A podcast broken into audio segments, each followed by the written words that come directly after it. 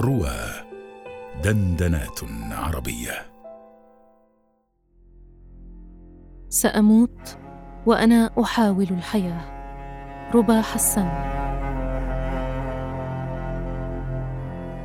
يا عقلي لا تتعتر يا قلبي لا تتودر يا روحي أوعي التوهي خطو المشيئة مسطر هذه كلمات كتبها لي ريان من السودان. هو أيضا يعيش الحرب. أخبرني أنه يشعر بكل ما أقاسيه وأنا أصدقه رغم عدم معرفتي به.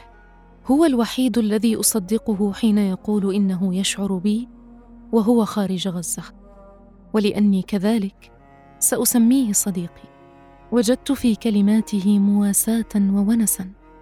عثرت على روحي التي تاهت في زحمة طوابير مركز الإيواء. هكذا ينجدنا الأصدقاء البعيدون عنا وعن هذه الحرب. كنت قد وجدت ضالتي في الحياة قبيل اندلاع الحرب.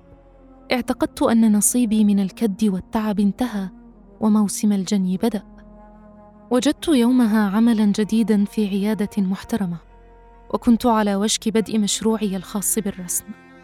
وجدت نفسي بعد السفر واكتشفت ما أريد وما أحب وما يجدر بي فعله. وهكذا على سكتشات لأفكار لوحات جديدة سهرت في ليل السادس من تشرين الأول أكتوبر. كنا أيضا قد اجتمعنا في المنزل من أجل حفلة الحفيد الأول. تحدثت إلى صديق عرفته خلال سفري ووعدته بأني سأنزل مصر في الأشهر المقبلة لكي نلتقي. ثم نمت وكلي أمل بالحياة وإقبال عليها. لكني نسيت هذا كله مع الحرب والنزوح.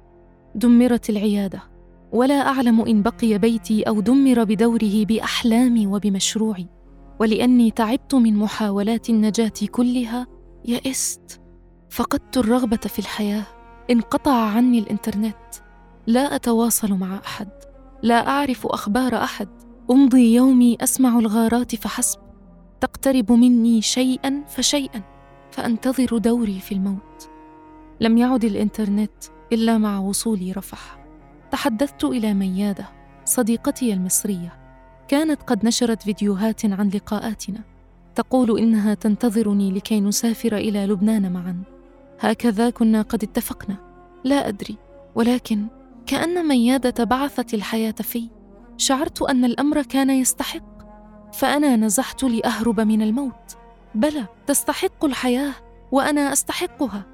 أريد أن أعيش أن أقابل ميادة أن أسافر إلى دهب وإلى لبنان. هكذا أنجدتني صديقتي ميادة البعيدة عنا وعن هذه الحرب. ثم يوما بعد يوم تزداد المأساة مأساة فلا ماء ولا طعام ولا ملابس ولا فراش. ثلاث فرشات كانت معنا زوجة أخي ووليدهما ينامان على فرشة. وأنا وشقيقتاي نتشارك أخرى. نضعها بالعرض فيكون نصفنا العلوي فوقها فيما السفلى فوق البلاط. أما أمي وأختي الثالثة فعلى الفرشة المتبقية فيما يرتمي إخوتي الذكور ارضا. كأن سكينا يغرز قلبي حين أراهم كذلك. أود لو أفترش قلبي ينامون عليه.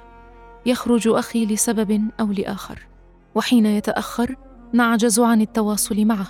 تنقطع شبكات التواصل. وإن تأخر كثيرا نفتح أخبار القصف ونبحث عن اسمه. هكذا تمضي الأيام على قلوبنا. يتغلغل اليأس في داخلي ويتخذ من روحي منزلا. أنا بشر أشعر وأخاف وأحزن وأتألم وأتأثر وأكتوي. لقد ضاقت بنا الحياة. وجدت المواساة والونس. حين قرأت تعليق صديقي السوداني ريان على مدونتي الأولى.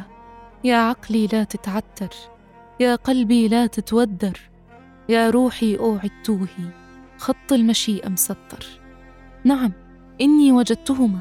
علي أن أبذل جهدي كي لا تتوه روحي في مآسي الحرب ولا يتعتر العقل ولا يتودر القلب. فالحياة مستمرة وعلي أن أستفيد بوقتي هنا حتى إذا انتهت الحرب غدا عدت إلى حياتي كأني لم أتركها. علي أن أستعيد مرونة جسدي ومرونة أصابعي. علي أن أنشط ذهني. هكذا أنجدني صديقي البعيد عنا. وعن هذه الحرب. أما اليوم فقد استيقظت كأن البارحة كان السادس من تشرين الأول أكتوبر. كأن خمسة وسبعين يوما من الحرب لم يمروا على روحي. استيقظت وبي رغبة عارمة في الحياة ولا ألم في ركبتي المصابة إصابة يفاقمها برد مركز الإيواء. لا أكاد أقوى على المشي أحيانا لو لخطوة واحدة لكن اليوم غير قبله. تمرنت للمرة الأولى منذ خمسة وسبعين يوما. استعنت بأنبوبة الغاز الفارغة لأجعلها وزنا للتمارين. شربت القهوة رسمت رسمة. راجعت لأختي طالبة الصيدلة مواضيع في علم الأدوية الفارماكولوجي وراجعت كتابا كان زميلي قد أرسله. سأستمر بالحياة. توقفت الحرب أم لم تتوقف؟ سأستمر بالحياة. فإذا سقطت مت راضية عن كل لحظة مرت في حياتي. بلا ندم ولا يأس. سأموت وأنا أحاول الحياة.